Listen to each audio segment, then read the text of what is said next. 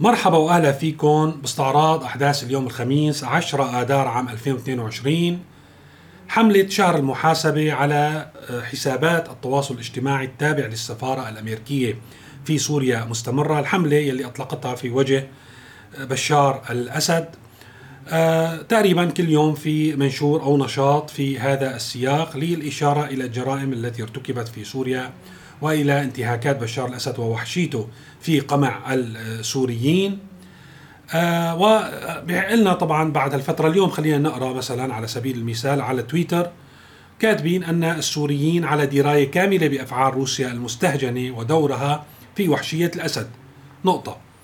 ووفقا للشبكة السورية لحقوق الإنسان قتلت القوات الروسية أكثر من 6000 مدني سوري منذ العام 2011 يجب محاسبة جميع مرتكبي الجرائم الفظيعة وسم شهر المحاسبة.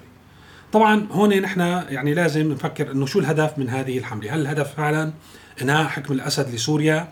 هل الهدف فعلا إنجاز التغيير السياسي وفقا للشعارات المرفوعة والقرارات الأممية المقررة؟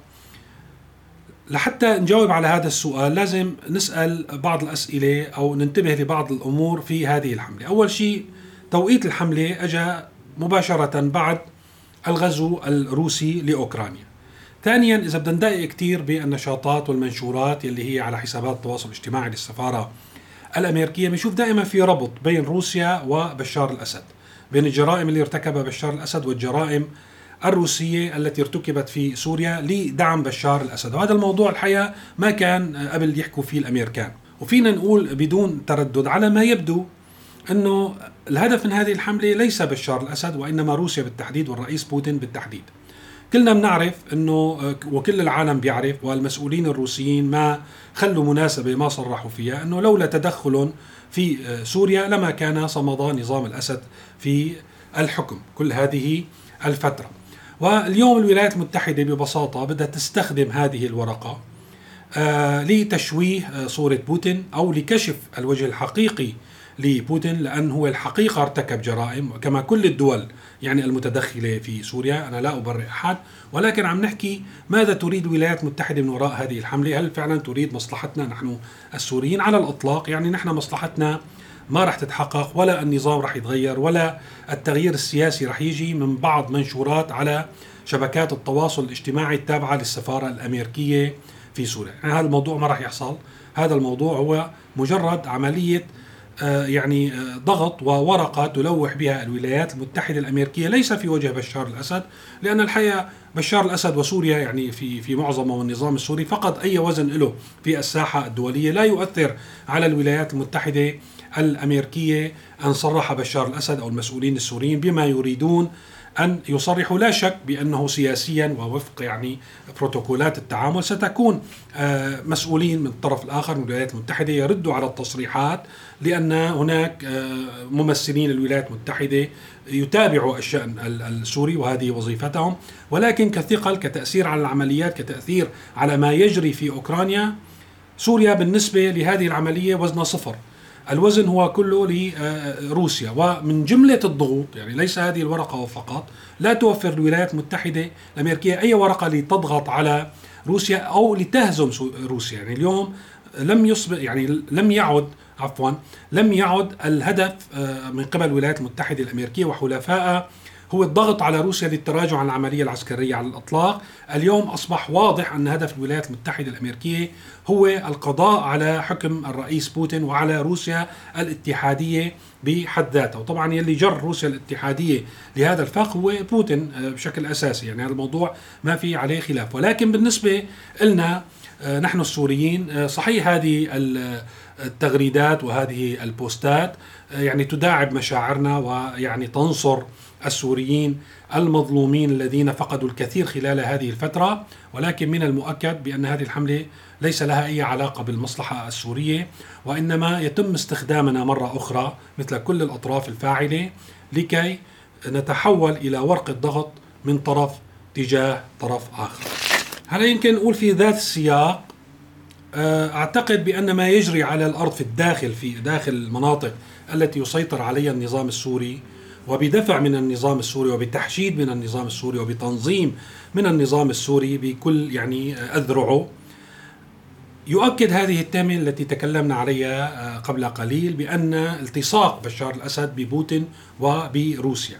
لأنه من المعروف أن هذه الجموع التي تخرج إلى الساحات وترفع الأعلام الروسية وصور بوتين هي جموع على الأقل مؤيدة للنظام أو النظام يقوم بإخراج هذه المهرجانات والتظاهرات لتقديم الدعم لبوتين وهذا ما يؤكد العلاقة بين النظام السوري بين بشار الأسد خاصة اللافتات اللي بنشوف يعني هي اللافتات صارت منتشرة كثير بالشوارع وأيضا في التظاهرات بنشوف اللافتات يلي فيها صورة بوتين وصورة بشار الأسد. يعني هذا الشيء يلي عم يصير بالشوارع لا أكثر. والعلم الروسي وعلم الذي يمثل اليوم مع الأسف نظام الأسد. يعني هو صار في قسمة بالأعلام وقسمة بالهوية السورية ولكن هذا العلم يمثل النظام اليوم لكثير من آه، السوريين. و آه، الصورة واضحة صورة بوتين مقابل صورة المجرم بشار الأسد على ذات اللوحة وهذا ما تريده أمريكا بالتحديد لتثبت التهمة على آه، يعني الرئيس الروسي هذه المرة من خلال دعم بعض الأذرع أو بعض الأدوات التي يستخدمها في العالم ومنها بشار الأسد الذي يتم استخدامه في سوريا أو دعمه في سوريا لارتكاب المجازر. ورغم كل الأعمال التي يقوم فيها بوتين والمدانة من كل دول العالم اليوم يصر يعني بشار الأسد على الالتصاق. يعني هذه هي الرسالة ببوتين ويصر بوتين على دعم بشار الأسد لحتى يعني يحطوهم في مصاف واحد وفي خانة واحدة وهي خانة الإجرام. ومرة أخرى الغاية هو تشويه صورة بوتين والعمليات العسكرية الروسية في أوكرانيا لا أكثر.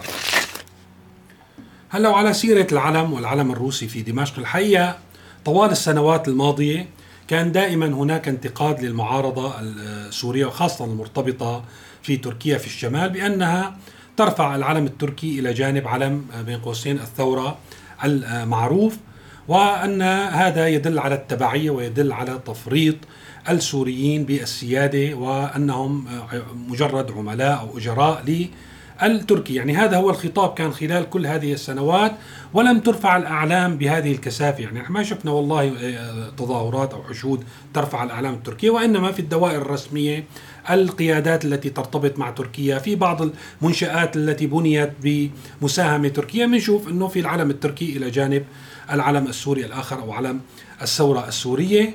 ولكن ما حدث في الفترة الأخيرة المظاهر التي شاهدناها خلال اليومين الماضيين من بعد آه، غزو روسيا لأوكرانيا الحقيقة آه، نزعت يعني صفة آه، الخيانة أو صفة التفريط بالسيادة عن المعارضة لأن ما جرى في دمشق من رفع الأعلام الروسية ورفع صور بوتين في شوارع دمشق وفي التظاهرات والتجمعات كان أكثر بكثير مما فعلته المعارضة السورية في الشمال.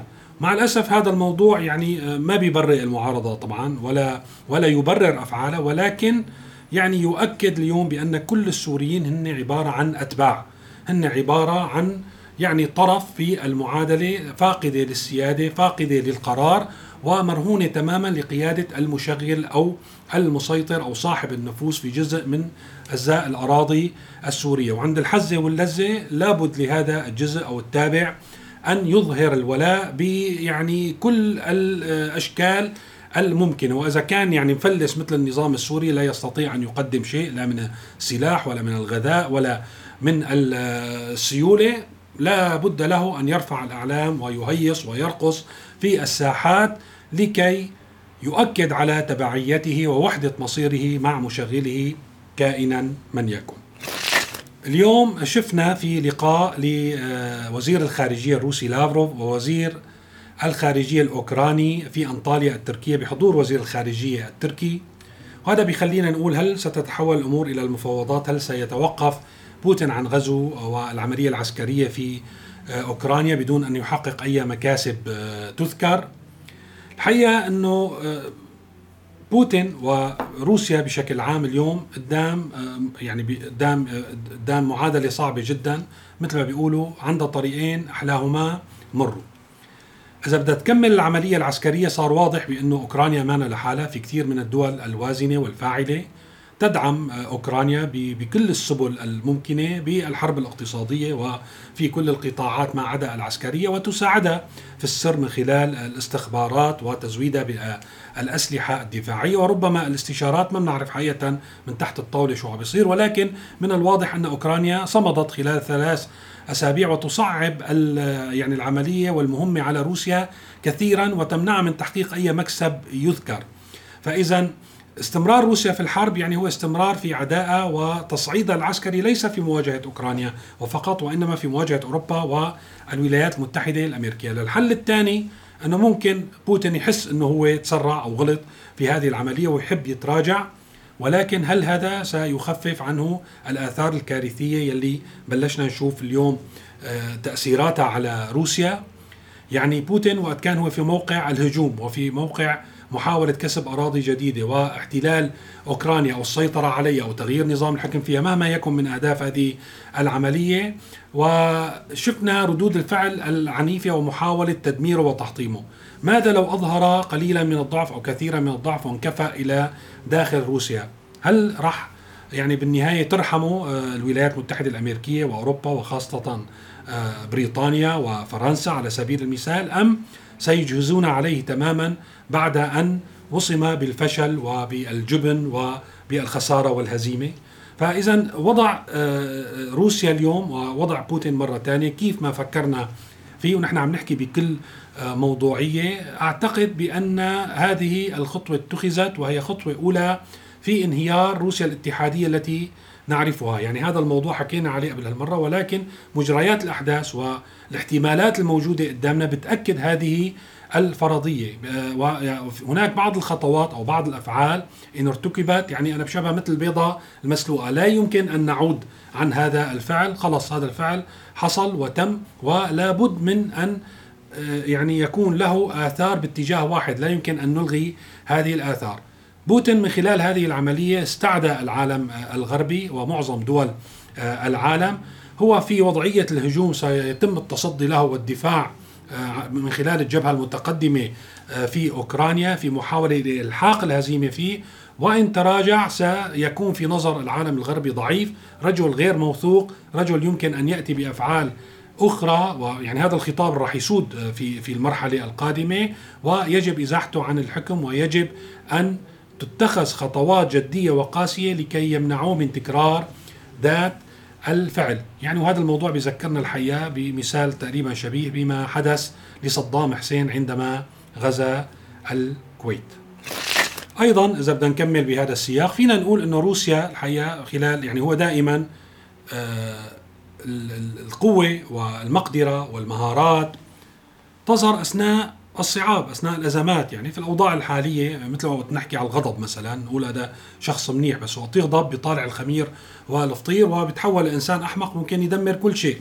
فالشخص اللي يمتلك القدرة هو الذي يمتلك القدرة في السيطرة على الغضب على سبيل المثال. وروسيا اليوم في هذه الأزمة وفي مقابل كل هذه العقوبات التي يعني اتخذت في من الشركات ومن الدول يعني لا تعد ولا تحصى. نحن يعني تقريبا باليوم ال 19 أو ال 20 وما عم نلحق على العواجل العقوبات. الشاطر صار بده يسجل موقف على روسيا يعني هذا هو الحاصل. في المقابل روسيا يعني تظهر نوع من الحمق. أنا برأيي الحماقة في مواجهة هذه العقوبات في مجال الاقتصاد وفي كل المجالات مثلا نأخذ مجال الاقتصاد يصعد اللهجة في مواجهة الشركات التي انسحبت بأنه هناك صعوبة بأن تعود. واليوم كان في الحقيقة شيء آه، خطير. أنا برأيي مو خطير على روسيا خطير على سوريا مرة أخرى لأن إحنا ما شاء الله مرتبطين بشكل عضوي وبنيوي اليوم.